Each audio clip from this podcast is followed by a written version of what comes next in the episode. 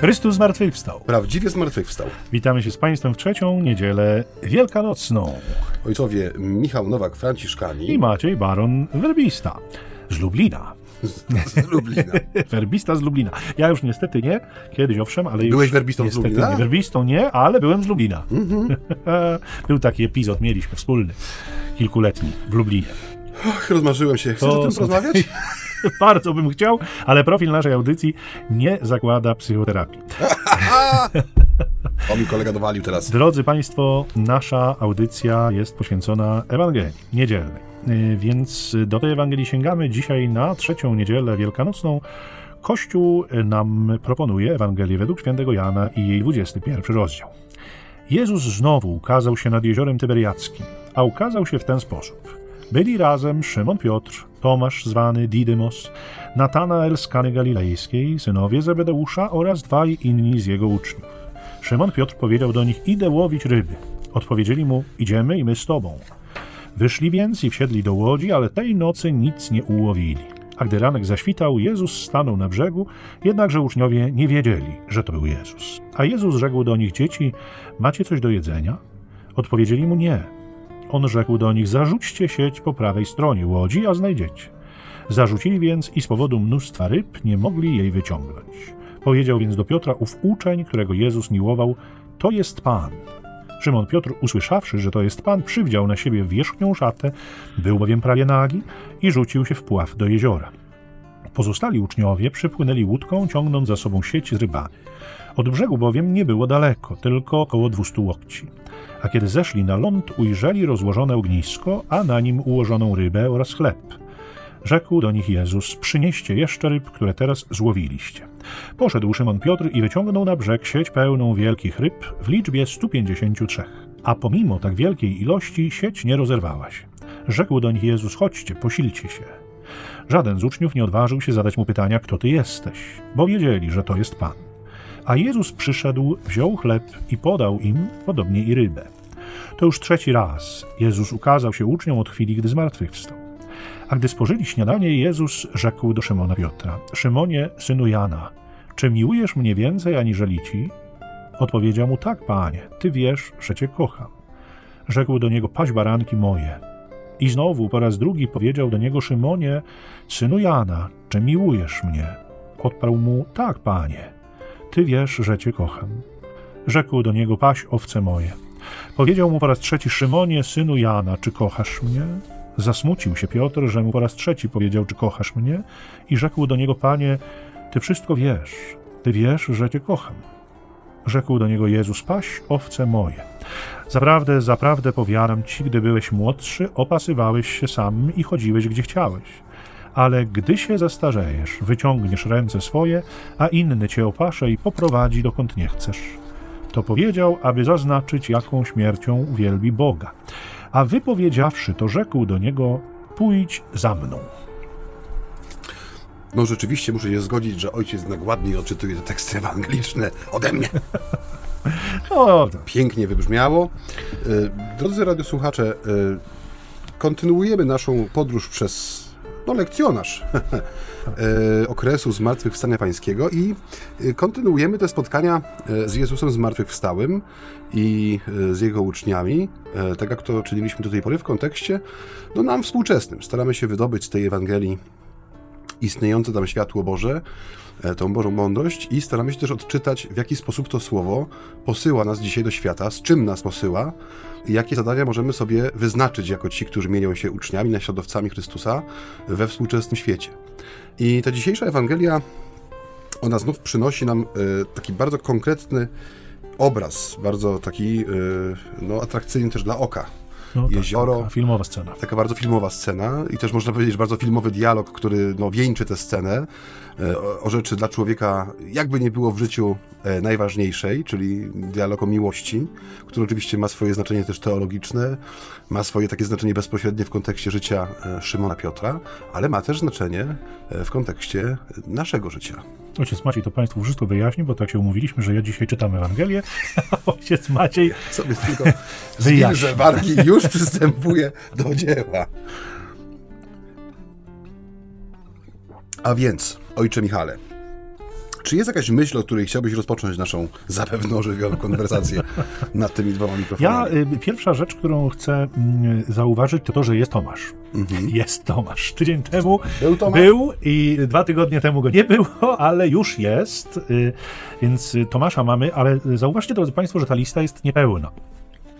My y, bardzo ładnie to Jan ujmuje, trochę tak, żeby dać dowód, że część apostołów jest, ale y, to samo w sobie jest jakby ważne, że część jest, nie wszyscy, co oznacza, że no cóż, Piotr chyba nie jest jeszcze y, najlepszym przewodnikiem tej wspólnoty, jej organizatorem, y, takim zwornikiem jedności, bo jakby nie do końca udało mu się wszystkich odnaleźć. Ale ta lista jest skonstruowana tak bardzo szczególnie, bo my do końca nie wiemy, kogo nie ma.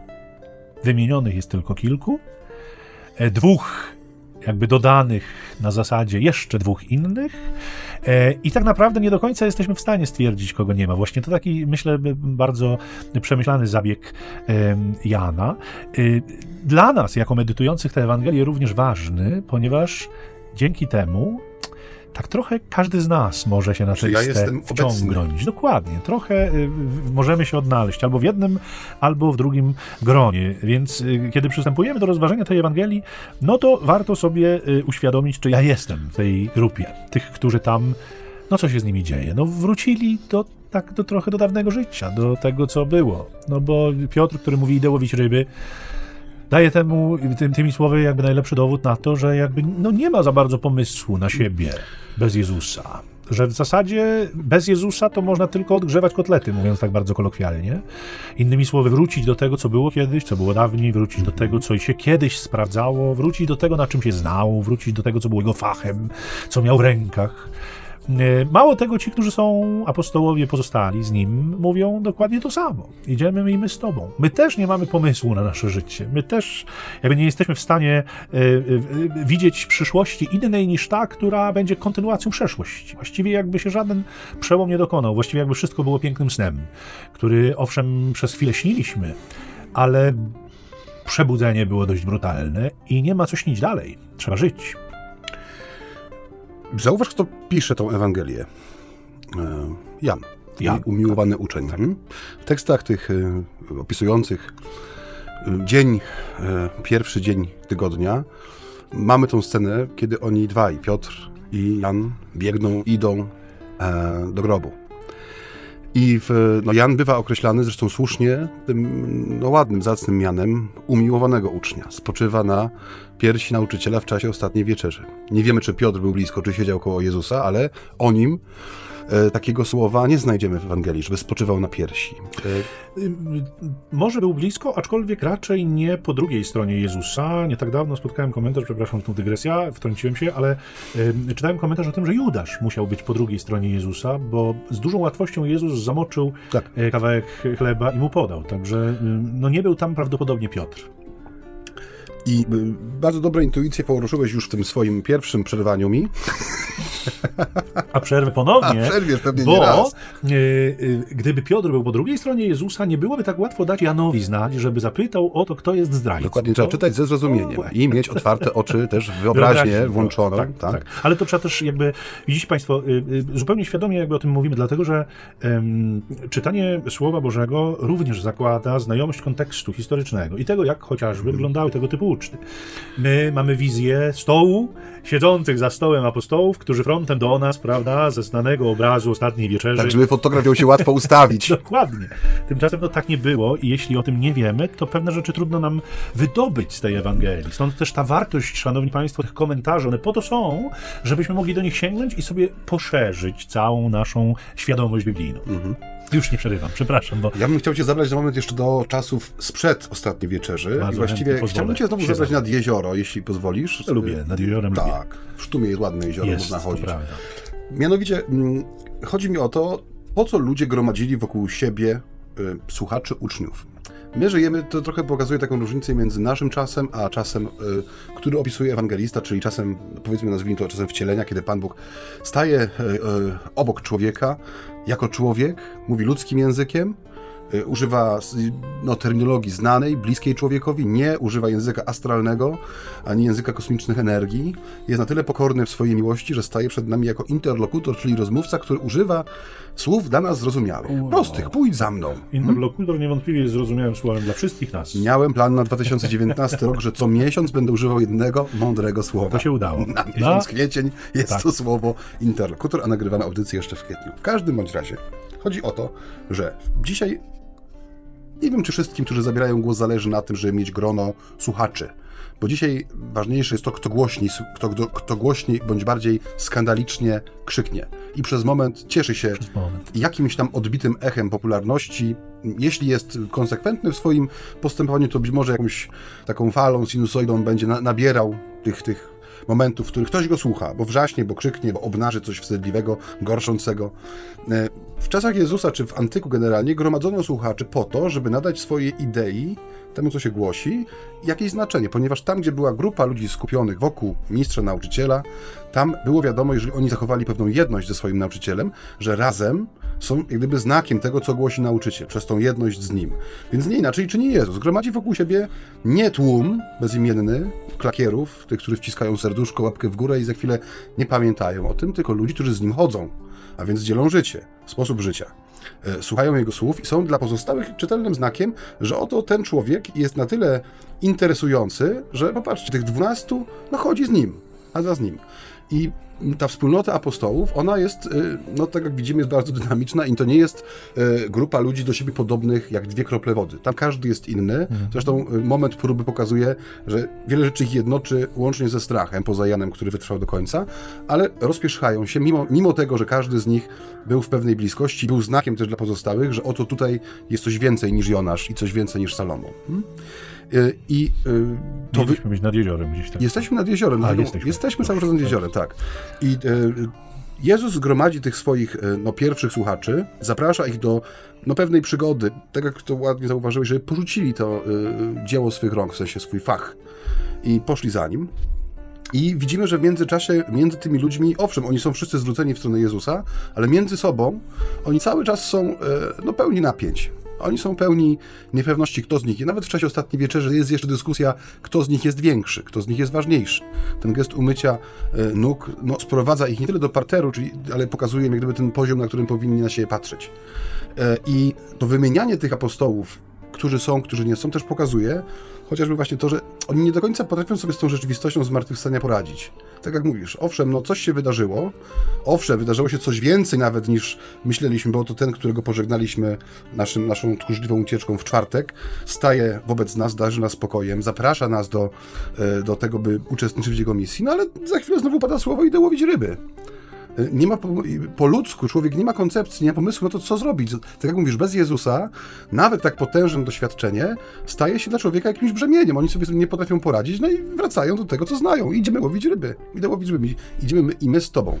I znów wydaje mi się, że tutaj dla nas dzisiaj jest tego taka też mądra nauka płynąca, y, jako dla wspólnoty, że powinniśmy nie tylko patrzeć na to, czy jesteśmy zwróceni w stronę Jezusa, ale czy między nami te więzi, które są jako braćmi, siostrami, y, czy jako braćmi we wspólnocie zakonnej, kapłańskiej, czy w ogóle we wspólnocie ludu Bożego, czy my znowu nie patrzymy na siebie trochę tak jak ci apostołowie, który z nas jest lepszy, większy, szybszy, sprawniejszy, głębiej zanurzony, bardziej brodzący w płytkościach, bo to rozbija też, wydaje mi się, przyjmowanie tego doświadczenia paskalnego. Że oni no, pozostają jak gdyby przy, przy sobie, dopóki nie przyjmą tej tego sposobu, w jaki widzi ich Pan Jezus i co im nieustannie daje, a zostaną właśnie przy tym fachu, który mają w rękach, to oni będą właśnie najemnikami. Oni będą kimś, no skończył się okres naszego najmu, skończyła się wspólna droga, skończyło się wspólne doświadczenie, wracam do tego, co umiem robić. Tak. Ojcze Michale, ojciec się tak zamyślił, patrząc na mnie. Tak, tak, Bałem się, że pójdzie w moją stronę mikrofon. Nie, nie, zamyśliłem się, bo rzeczywiście y, jest coś w tym, tym bardziej, że widzimy mm, konsekwencje tego, tak jak powiedziałeś, skupienia na sobie, e, takiego zahipnotyzowania ponownego mm, swoim dawnym życiem, czy jego obowiązkami. E, widzimy pustkę, która jest symbolizowana przez puste sieć. To nie jest pierwszy raz, kiedy apostołowie nic nie ułowili. My już taką mieliśmy jedną mhm. noc pustą. To był Łukasz, rozdział 5 kiedy to po nocnym, pustym połowie, gdzie, gdzie nic się w tych sieciach nie znalazło, uczniowie płuczą sieci i tam wtedy dokonuje się ta słynna scena powołania, polegająca na tym, zresztą omawialiśmy kiedyś tutaj już z Państwem, tak. wypłyń na głębie, te sieci, które się rwały wręcz, tak bardzo były napełnione sieciami, rybami, rybami przepraszam, czyli cud naocznie tam się dokonał bardzo namacalnie i konkretnie i jasno. Dzisiaj y, ta sytuacja jest trochę podobna do tamtej. Y, wprawdzie y, jakby początek jest nieco inny, bo, bo uczniowie no, też, no może, może i prawda, może tak jak powiedziałeś przed chwilą, że najm się skończył, wracają z pracy i tak naprawdę wchodzą w, w coś dawnego, coś poprzedniego, a sieci są nadal puste. Przypomina im to, jakby ukazuje bardzo naocznie, że że bez Jezusa to nie pójdzie do przodu. Nie? Że bez Jezusa jakby ta, ta ich, to ich dawne życie on już nie smakuje. To jakby, ja myślę, że to jest takie, takie przesłanie, że nie ma powrotu. Że kto raz dotknął tej tajemnicy Chrystusa, to nie zazna spokoju. Może odejść, może wrócić do dawnego życia, może mieć jakby, yy, może mieć i pełne noce, w sensie, że sieci mogą być pełne, ale spokoju serca yy, już nie będzie. To pragnienie, ta, to doświadczenie Jego obecności będzie jakby zbyt dojmujące. No to jest tak, pamiętam kiedyś mówiliśmy o problemach współczesnego duszpasterstwa, kiedyś rozmawialiśmy na taki temat poza anteną i mówiłeś o tej duchowości ronda. Tak. Nie? Że człowiek dzisiaj często, znowu nie lubię używać tego słowa człowiek dla określenia ogółu populacji, no ale tak bywa, że człowiek dzisiaj ma problem ze zmianą życia z takiego, które kręci się właśnie wokół no, moich spraw, nie? Właśnie jest ta moja łódka, jest ta moja sieć, na tym się znam, to sobie robię. Nie do końca postrzegam życie jako mm, czas, który mam mnie prowadzić w jakimś konkretnym kierunku, w jakimś konkretnym kierunku, który jest też moim rozwojem, y, nie tylko materialnym, ale także duchowym, ludzkim, no bo jest wygodnie. Jest jakieś środowisko, jest towarzystwo, może jest jakaś mała miłość, coś, co mnie trzyma razem, mam poczucie jakiegoś sensu spełnienia i to rondo jest takie wygodne. Tymczasem, kiedy się zestawi tę duchowość ronda z no, tym, co proponuje mi Ewangelia, no to musimy mieć świadomość, że to pięknie wychodzi u Marka, nie? Że Jezus jest w drodze i to nie, on, nie, on nie wjeżdża na rondo przy, nie wiem, placu de Gola, czy gdziekolwiek, gdzie, czy rondo de Gola, tylko on jest cały czas w drodze do. Nie? Tak. On przychodzi, objawia y, człowiekowi ojca, jego miłość, ale to nie jest tylko i wyłącznie takie wejście, zapalenie stuwatowej żarówki, tak to wygląda i zgaszenie jej, tylko to jest konsekwentne prowadzenie człowieka y, no, w tymże kierunku. I nie ma momentu, w którym by Jezus tą misję porzucał na moment tego nie porzuca. I tu wydaje mi się też jest jakiś zgrzyt, że w dzisiejszej Ewangelii, że to idę łowić ryby, idziemy i z tobą. No to właśnie to jest, dla mnie, to jest obraz człowieka, który jest na takim właśnie życiowym rądku. I on z tego ronda został zrzucony, zepchnięty przez to wydrenie paschalne, tak potężne i przytłaczające, jakim było. Włóż rękę do mego boku, nie bądź niedowiarkiem, lecz wierzącym nie znam tego człowieka chwilę wcześniej. Hmm? I no to była jak, jak wypadek, nie? To było wy, wyrzucenie z tego. I on usiłuje no, pozbierać te zabawki, które mu się po rozsypały i wraca na to rondo z tą skrzypiącą ośką, z tymi urwanymi drzwiami z tego swojego pojazdu, z, tym, z tą łódką, która nabiera wody, ale on cały czas się będzie tego trzymał, no bo to zna, to lubi, tam się czuł w jakiś sposób spełniony, dowartościowany, usłyszał piękne słowa, na tobie zbuduje mój kościół. E, I, i, no i wydaje mi się, że ta Ewangelia też podkreśla też no, jakąś taką dramatyczną sytuację w życiu tych ludzi. Tak jak mówię, no my jesteśmy tego świadkami, słuchamy Ewangelii, wiara w nas jest y, wiarą ze słuchania, patrzymy na świadków tych wydarzeń przez pryzmat tych, którzy nam głoszą Ewangelię, nas powiadają, wprowadzają w tajemnicę sakramentów. Żyjemy y, w tej przestrzeni naszego czasu, ale musimy mieć świadomość, że to nie są wydarzenia alegoryczne, to nie są wydarzenia li tylko historyczne, ale to jest historia mojego życia. Ja tutaj jestem Y, nie tylko widzem, ale ja tu jestem uczestnikiem, jeśli, jeśli, jeśli odnajduję w sobie tą paschalną radość.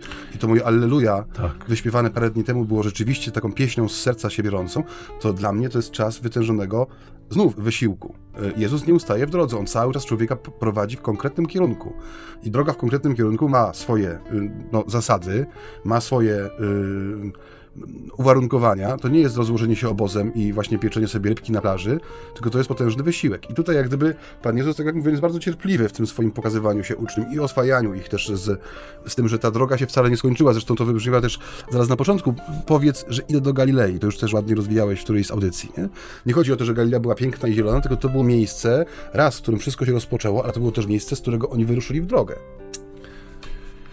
Bardzo ojciec to pięknie i wyczerpująco mm, wyczerpał.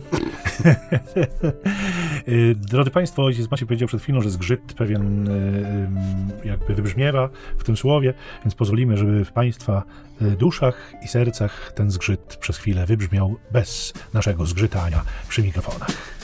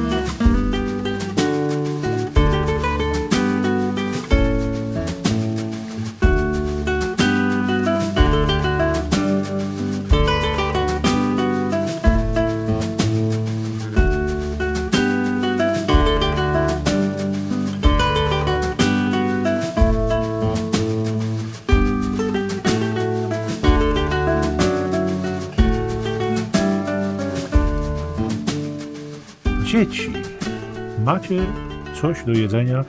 Y, rozpoczynam od tych słów Jezusa, bo one też pokazują tajemnicę bezradności uczniów. Oni pokazują bardzo wyraźnie to, że, że oni są gdzieś obok, że, że ten powrót do, do dawnego życia, którego próbują dokonać, że, y, że te połowy, za które próbują się zabrać, jakby trochę już bez wprawy, bez, bez takiego bycia na bieżąco, trochę jakby wypadli z obiegu. Weszły nowe modele sieci przez te no trzy lata widocznie no chłopaki sobie już nie poradzili. W każdym razie Jezus w tym słowie dzieci zawiera chyba całą gamę tych różnych bezradności, które oni przeżywają. Do dorosłych mężczyzn, posiadaczy, e, firm wcześniej, do, do tych, którzy sobie świetnie radzili w życiu, mówi dzieci. No dzieci to, to są tacy jakby ludzie, którzy... A to są ludzie.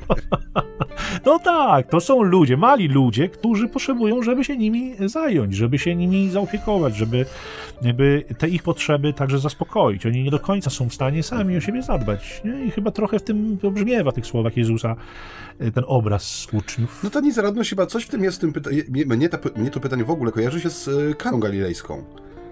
W sensie nie przez brak e, wina, tylko właśnie przez, tą, przez tą ludzką jakąś niezaradność, no bo e, czy macie coś do jedzenia sugeruje, że na widoku nic nie leżało. Przepraszam, ja tak, tak to sobie rozwijam. Taka jest moja intuicja. Jeżeli staje przed nimi i mówi, czy macie coś do jedzenia, czyli tam widocznie oni siedzieli, oni się karmili strachem, a nie rybą. O, Wchodzi, tak, no, no wchodzi, staje wobec nich, no, w każdym domu, nie wiem, no, w domu szewca pewnie stoją wszędzie buty, nie?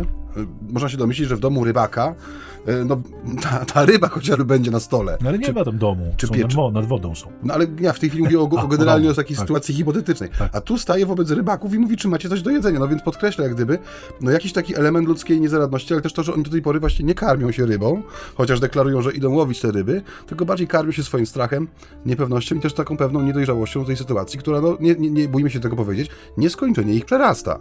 No bo ich przerasta. Tak jak mówisz, że dopóki Jezus nie weźmie znowu steru tej łódki w swoje ręce, co czyni po dzień dzisiejszy, mam na myśli Kościół, tak, wspólnotę, tak. E, no to, to, to się dzieją takie rzeczy, że w domu rybaka nie ma ryby. Nie? On będzie robił wszystko inne, będzie żył wszystkim innym, tylko nie tym, co, co, co powinno być jego, jego treścią, jego przedmiotem jego zajęcia się. I to jest jedna rzecz. A druga rzecz, która mnie się też tak tutaj e, mm, no, rzuca jak gdyby w oko, no jest to, że w Kanie Galilejskiej ten cud dokonuje się e, siłą sprawczą są ręce sług, nie? No, na, na, przynieście, napełnijcie stągwie wodą.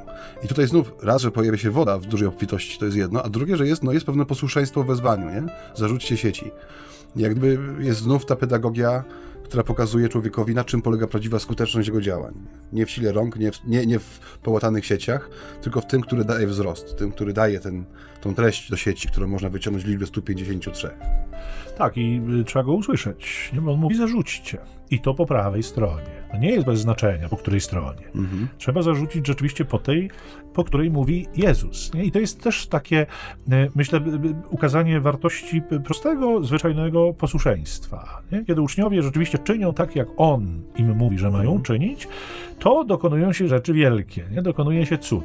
Myślę sobie, że tak znów robiąc wycieczkę do współczesności, nawet dzisiaj... wycieczki, czekaj, siądę sobie wygodniej. tak, wycieczka.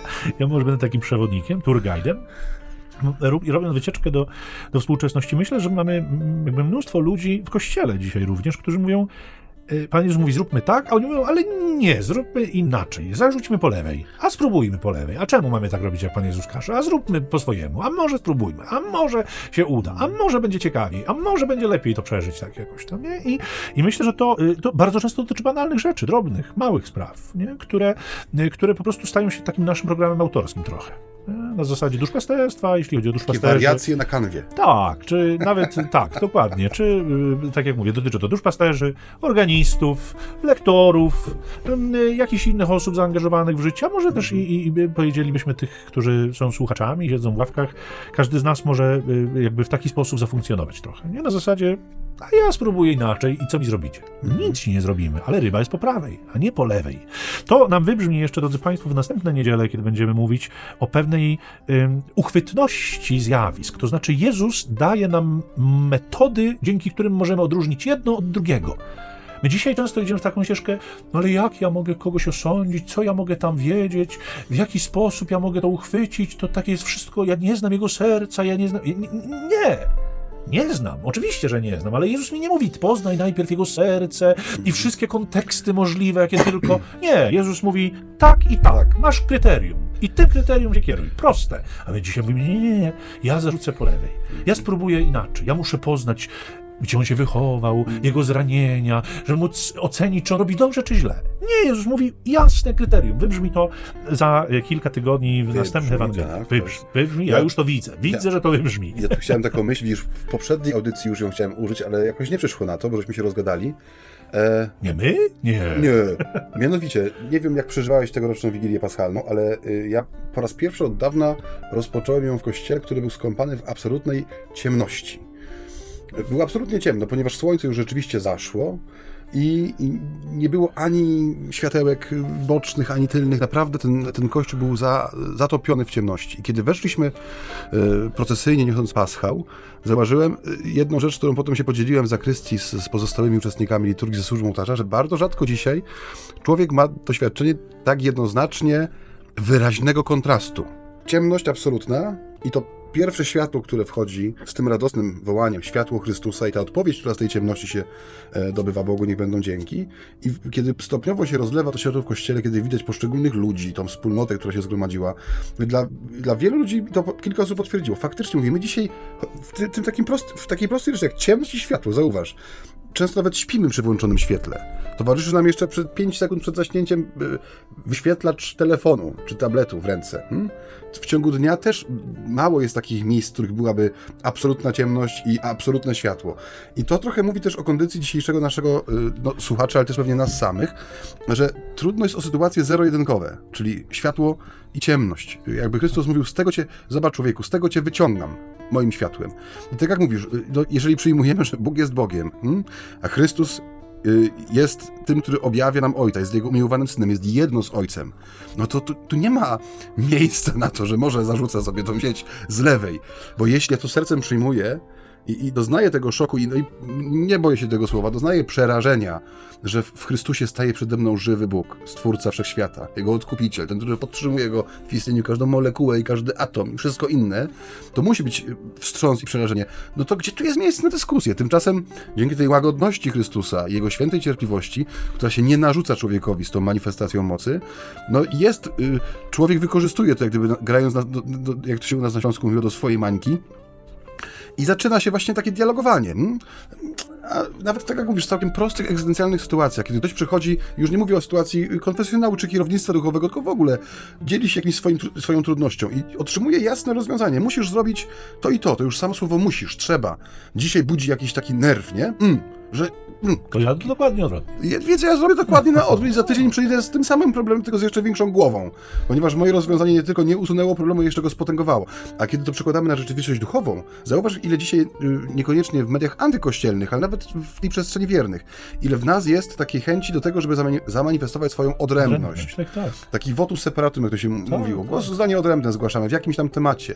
I sytuacje, które wołają o jednoznaczne rozwiązanie, często właśnie wiszą, są zawieszone między takim właśnie być, nie być, półmrok, jakiś taki no, dziwny stan. tak. I, mę- męczą ludzi, ale też są takim antyświadectwem, no bo skoro mamy Ewangelię, która przychodzi do nas z jasnym obrazem, zarzuć sieć po prawej stronie, nie? I dopiero to posłuszeństwo pokazuje jak gdyby moc Bożą, nie? że to jest ta współpraca człowieka z łaską. Że ja ci mówię A, to ty nie szukaj, czy można tam użyć on czy e, bo owszem, może się zmieścić jak na tablicy do Scrabla, ale wyraz, który powstanie, nie będzie miał absolutnie sensu. Myślę, że to jest taki też performerski świat trochę. Nie? Jezus mówi zarzuć po prawej stronie, a człowiek się owija siecią i siada z tyłu łódki. Nie? Na zasadzie takiej, że ja zrobię coś tak abstrakcyjnego, zrobię coś tak innego, zrobię coś zupełnie jakby w innym kluczu, no, żeby, nie wiem, szokować, żeby, żeby jakby... Właściwie nawet nie do końca wiadomo po co, ale mam takie wrażenie, taki obraz mi zaświtał, jak, jak zacząłeś mówić, nie? Zarzuć po prawej stronie, a człowiek się owija siecią i, i, i, i tyle, i siada. Jakby nie, taka niewrażliwość na to, co, co mówi pan, która się przejawia w programie autorskim. Nie? To jest to sformułowanie, które już pada któryś raz. Ale ja mam swój program autorski e, na życie i jesteśmy coraz częściej formowani w takim kluczu, a co mi tam ktoś będzie mówił? A A kim ty jesteś, Tak. żeby mnie pouczać? dokładnie, jest, co mi tam Pan Bóg? Pan Bóg, no wiadomo, że to Pan Bóg to jest w niedzielę, godzinę tam albo i trochę krócej, a reszta życia jest do przeżycia. Nie? Ja mam tutaj swoje życie i swoje sprawy i swoje pomysły też na to, jak te sprawy mam rozwiązać. I kiedy uczniowie rzeczywiście zarzucają po prawej stronie, to dokonuje się e, rzeczywiście pewna niespodziewana, a dziwne, że niespodziewana, bo przecież nie pierwszy raz y, przeżywana przez nich sytuacja, Y, czyli te sieci się nagle przedziwnie napełniają i wtedy następuje rozpoznanie znowu nie przez Piotra. nie? Mm. Nie Piotr rozpoznaje Jezusa, tylko umiłowany uczeń. To jest też przedmiot wielu różnych dyskusji e, duchowych i teologicznych. E, Dlaczego właśnie on? Dlaczego ten Jan się pojawia w takich właśnie kluczowych momentach i to w- właściwie w końcówce Ewangelii, Tak. Nie, nie wiem, czy zauważasz, ale po ludzku on jest nadrzędny względem Piotra. Tak. Zawsze jakby w tych momentach ważniejszych Wyprzedza jest... go. Tak. jest, y, jest umiłowanym uczniem. On oczywiście, ta Ewangelia nie jest jakąś laurką na własną cześć, bo to też nie można tego powiedzieć, że Jan sobie napisał pomniczek taki literacki ku swojej chwale i czci, bo to, to, to wybrzmiewa, ale w sposób taki bardzo naturalny. Ale tak jak mnie się wydaje tutaj, że y, ta intuicja, która, o której mówiłem na początku, że u Piotra dokonuje się oprócz tego, że się wypiera Jezusa i na koniec jak gdyby zmazanie tej potrójnej winy przez ten dialog o, o, miłości, że Jan, który rozpoznaje Pana, to jest Pan. Nie? Znowu, jak gdyby drugi raz staje przed, przed Piotrem, który no, mm, mm, nie wiadomo co robi, ciągnie sieć, albo trzyma się burt, no nie wiem co robi w tym momencie, że on prowadzi y, Piotra od duchowości najemnika do duchowości przewodnika. Bo jemu prymatu nikt nie odbiera. Zau- Zauważ, że tam nie ma dyskusji, a może, by, no to może spróbujmy, żeby Jasiu nas No właśnie. pokierował do przyszłej nie niedzieli. do. Bo Piotr jest troszkę. zagub- Nie ma czegoś takiego w Ewangelii. Ten raz dany prymat, on jest. Ale Piotr też do niego dorasta. Nie? I wydaje mi się, że najintensywniej dorasta po, po, po tych słowach nie znam tego człowieka. Bo on tymi słowami nie tylko wypiera się Jezusa, ale on się ab- absolutnie wykrusza z tej wspólnoty. Tam już nie ma właściwie wspólnoty. Te wszystkie więzi między nimi się też rozsypały. No bo nie ma komu przewozić. Nie ma, nie ma pasterza, rozpierzchły się owce, ale też owce między sobą mają autorski plan oparty na rzuciu własnego strachu i barykadowaniu się przed niewiernymi, czy przed wiernymi Żydami e, w, w sali na górze, bo, bo strach ich paraliżował. I tu jest, tu wydaje mi się, że Jan też jest, e, pokazuje jak gdyby przez to swoje rozpoznanie, to jest Pan, przez ten okrzyk bardziej może serca niż ust, nie? On go poznaje po, no po właśnie, po czym? Po tym dziele posłuszeństwa, nie? Bo zauważ, że tam jak gdyby układają się wszystkie klocki we właściwej kolejności i on po tym poznaje, że to jest Pan. I, I to jest genialne w tym sensie dla mnie, że Piotr dojrzewa, że on już nie jest najemnym pasterzem, nie? że nie, nie skończyła się jego misja wraz ze śmiercią Jezusa, nie? że tu jest cały czas, ma dorastać do tego, co mu zostało powierzone pod Cezareą. Ty jesteś opoka i na tobie będę budował, ale musisz się tą opoką stać. I on się staje tą opoką, jak wiemy, jak wierzymy, jak wyznajemy. E, I to jest też takie też pokazanie, czym jest czas paschalny dla nas, jako dla ludzi wierzących. Że znowu to nie jakieś bierne, to nie, nie jesteśmy bierni względem tego co roku doświadczania, tylko myśmy powinni co, jakby co, co, co roku sprawdzać, czy myśmy trochę stwardnieli W sensie, czy my jesteśmy coraz bardziej jak Piotr? No bo te, te duchowe sensy w Wielkim Poście pokazują, że każdy z nas ma w sobie coś i z Judasza, i z Piotra, i może czasami z Jana, i z tych, którzy sobie poszli tak głęboko, że nawet ich Jan dzisiaj um, nie wymienia, bo nie wiemy, gdzie się potracili. E, i, I to jest też taki dobry czas, żeby sprawdzić, czy ja choć trochę stwardłem. Czy, czy, czy jestem trochę jak Piotr, jak ta skala, na której Chrystus chce budować? Trzy minuty to pewnie nie jest zbyt długi czas na to, żeby sprawdzić, czy się stwarniało, czy nie. No ale tyle jesteśmy w stanie Państwu dać. Muzyka, a potem wracamy.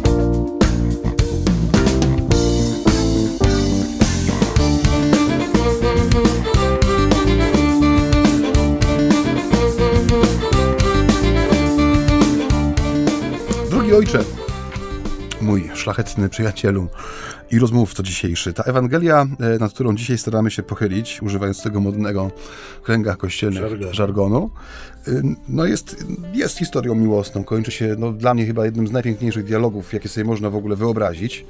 E, ten dialog, który wieńczy to, co niektórzy nazywają tym drugim zakończeniem, chociaż dla mnie to nie jest drugie zakończenie, bo ta Ewangelia ma jedno zakończenie, e, drugim zakończeniem Janowej Ewangelii, e, on powinien na moment nas skupić i zająć, nie tylko dlatego, że jest właśnie umiejscowiony na końcu tego tekstu, ale też dlatego, że on jest na swój sposób e, takim podsumowaniem no właściwie całej Ewangelii, tego wszystkiego, o co Jezusowi chodzi.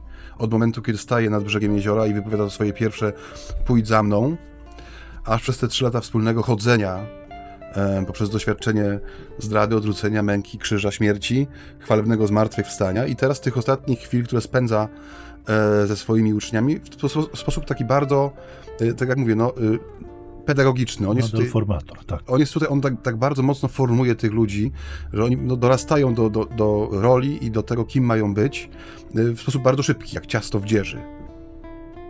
I siłą, która to sprawia, jest nic innego jak Boża miłość, którą Chrystus nie przestaje, nie przestaje jej objawiać i udzielać człowiekowi. Właśnie chociażby przez to potrójne pytanie. Ja nie mogę tego Piotra e, zrozumieć tutaj. To znaczy, nie mogę za bardzo za nim nadążyć, bo kiedy mówiłeś wcześniej w naszym poprzednim wejściu o tej różnicy między Piotrem i Janem, to pojawił mi się taki obraz w głowie, e, jakby dwóch ptaków I Jana widziałbym w postaci orła, latającego rzeczywiście... Boże, boję się, jaki będzie drugi. latającego wysoko, e, rzucającego na wszystko e, jakby taki e, okiem gdzieś tam z, z odległości. A Piotr to nie lot kiwi. Nie, nie, nie, nie. No ale ten orzeł, jakby rozumiecie Państwo, ten kontekst taki, takiego, prawda, szybującego nad wszystkim, zbierającego te treści. Natomiast Piotr, nie wiem dlaczego, ale pojawił mi się w głowie jako koliber. Taki mały ptaszek, który y, bardzo intensywnie się porusza, dynamicznie się porusza, ale tak trochę tu, trochę tam, z tego kwiatka trochę zasączy, z tamtego zasączy tego nektaru. Piotr, który jest charakteryzowany przez Ewangelię jako taki gwałtownik, człowiek, który e, jak się rzuca, to tak jak dzisiaj w te nurty, wód, prawda? Rzuca się, prawda, prawda, rzuca się z taką niesłychaną gwałtownością, z niesłychanym dynamizmem. Jan mówi, to jest pan z tego e, nalotu orlistego, tak, z góry, a Piotr jak ten koliber... Jak ta czapla rzuca się do wody. No, nie chciałbym tak trywializować tego jednak do końca, ale, ale właśnie w ten, w ten sposób, że ta gwałtowność, która nim kieruje, niejednokrotnie wcześniej także doprowadzała go do, do takich wspaniałych, fantastycznych deklaracji.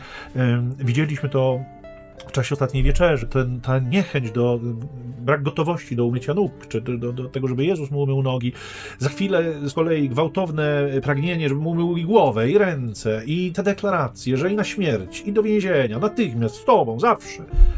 I nagle ten Piotr, który siada z Jezusem do śniadania i nie mogę się oprzeć wrażeniu, nie tylko on, wszyscy, ale, ale nie mogę się wdać wrażenia, że to jest jakby zupełnie inny Piotr, że to jest Piotr dużo bardziej pokorny wobec samego siebie, wobec prawdy o sobie, wobec prawdy o Jezusie.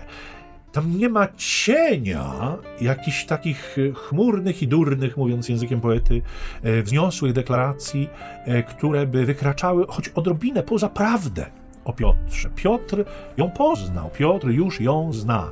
I Piotr e, jest nie wiem, nie chcę powiedzieć obciążony tą prawdą, ale y, jakby twardo stąpa po ziemi. Jest już y, bardziej wiarygodny w swoich deklaracjach i niewątpliwie również y, ma zdecydowanie większy kontakt ze sobą, nie próbując przekraczać w tej chwili jakichś granic, barier, jakby zrozumiał, że zupełnie nie o to chodzi. Jezusowi to jest zupełnie do niczego niepotrzebne, żeby Jezus dużo bardziej był zainteresowany prawdą, która jest w nim, niż mm. tym, co sam Piotr sobie o sobie i o relacji z Jezusem wyobrażał.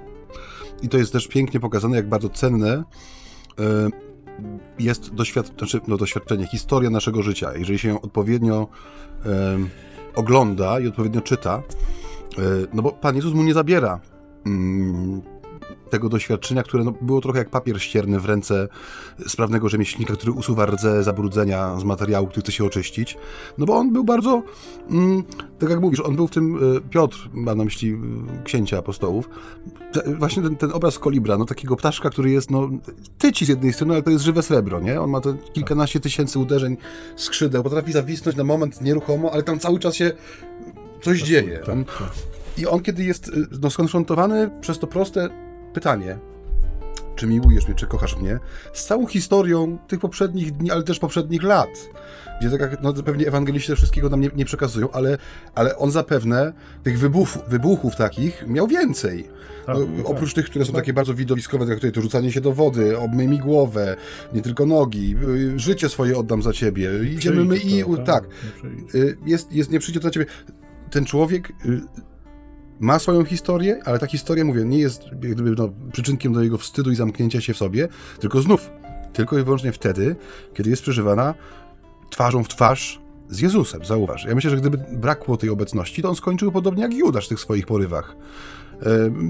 Bez tego zwierciadła niejako, w którym się przegląda, którym jest Chrystus.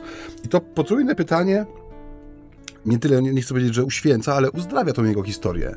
Nie zabiera mu jej, bo on pewnie do końca będzie pamiętał, kim on jest, w jaki sposób się zachował. To też ważne chyba, żeby tak było. Bo dzisiaj, no, do, czego zmierzam też, bo dzisiaj, nie wiem czy zauważyłeś, ale bardzo często mówi się o jakimś uzdrawianiu przeszłości, zwłaszcza w jakich, różnego rodzaju terapiach, czy w ogóle takich e, sposobach na życie, czy zabijaniu złych wspomnień, zabijaniu przeszłości, czy, odcin- czy że codziennie, bądź dzisiaj, bądź najlepszą wersją siebie, czy często się można spotkać, nawet w metrze ostatnio taką wlepkę widziałem, że bądź dzisiaj najlepszą wersją siebie. Mm, tak jakby... No dobrze, czy nie? Y, no staramy się, tak, ale chodzi mi o to, że ta przeszłość często bywa traktowana tak, tak, jako z jednej strony jakiś balast, źródło cierpień. Owszem, ona może być pełna bólu, cierpienia, wyparcia się zdrady, czegokolwiek, ale jeśli ją przeżywamy i znów tutaj, no, powiemy to wprost, no twarzą w twarz z Chrystusem, czyli w bliskości Pana, to ona się staje, no tak jak krzyż nie stał się narzędziem hańby, tylko bramą zwycięstwa, tak samo ta historia mojego życia może stać się dla mnie nie tylko źródłem prawdy o mnie, ale takim twardym gruntem, na którym mogę stanąć, może po raz pierwszy w życiu, bo tak jak mówisz, yy, yy, no, tego, tego okrzepnięcia w prawdzie o sobie, no wszystkim nam brakuje czasem. Żyjemy gdzieś tam w jakichś takich wyobrażeniach, albo szukamy może kogoś, kto nam potwierdzi jakiś pozytywny obraz nas samych. Nie? A tutaj tymczasem mamy pokazanego człowieka, który naprawdę kapitał, który miał w ciągu 72 godzin, rozmienił na drobne.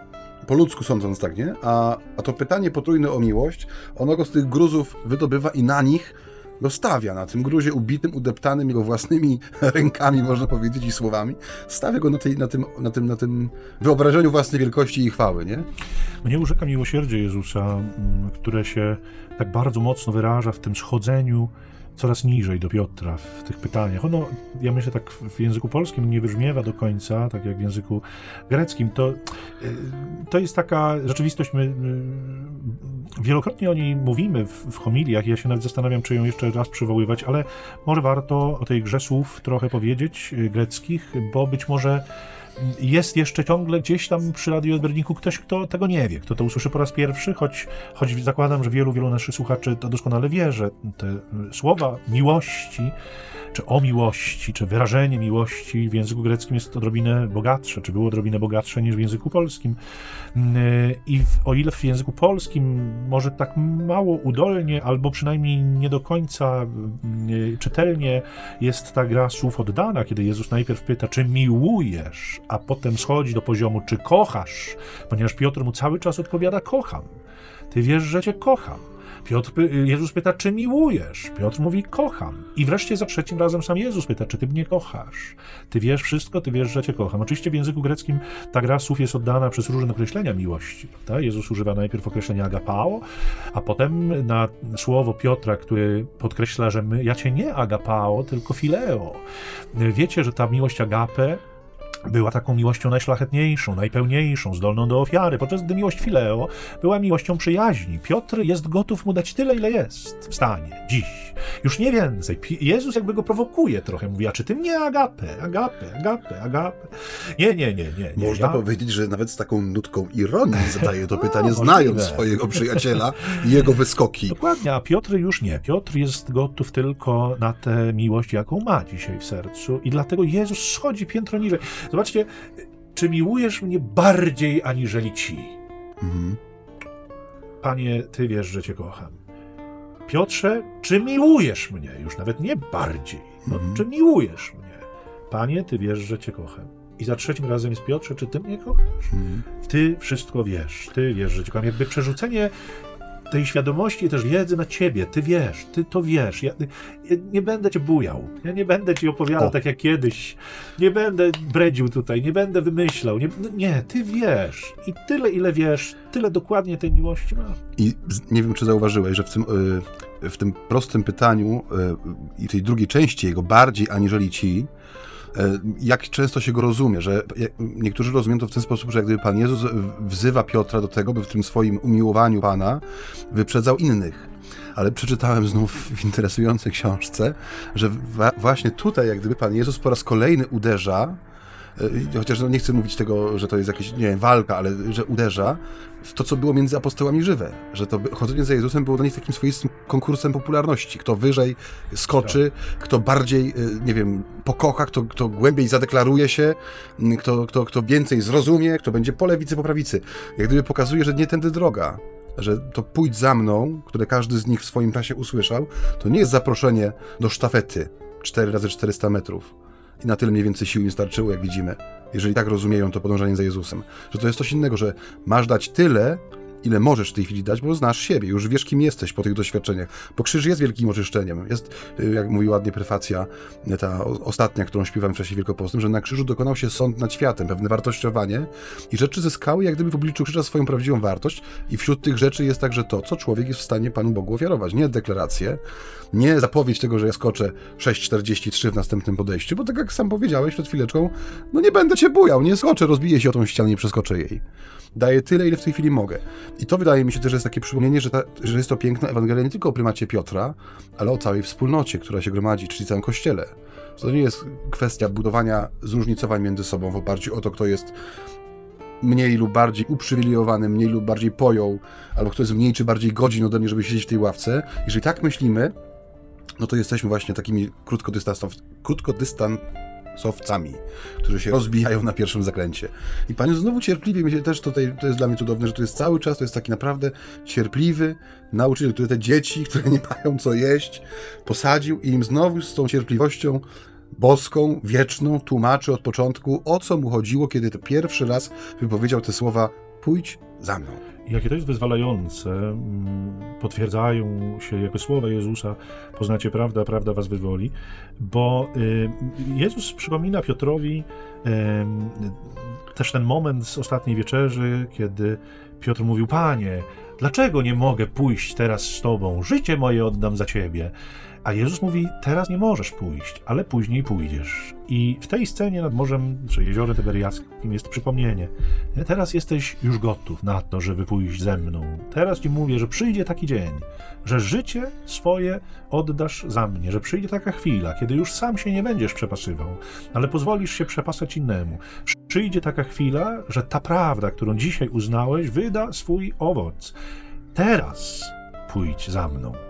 Jezus, który w Ewangelii Świętego Jana powołuje Piotra na końcu. To jest bardzo ciekawe i charakterystyczne. Nie? Ta cała droga dojrzewania Piotra, która kończy się powołaniem. Nie? To, jest, to jest coś, co, co myślę dla wszystkich tych, którzy idą drogą Bożą, już nie, nie chcę powiedzieć, nie ograniczam jakby tylko do duszpasterzy, księży, zakonnic, biskupów, ale wszystkich chrześcijan, nie? którzy idą drogą Bożą i którzy na każdym etapie dojrze, dojrzewania, wykonując czy dokonując pewnego kroku w wierze, słyszą nowe brzmienie, w nowym brzmieniu. Nie? Pójdź za mną, jesteś już na coś więcej gotów.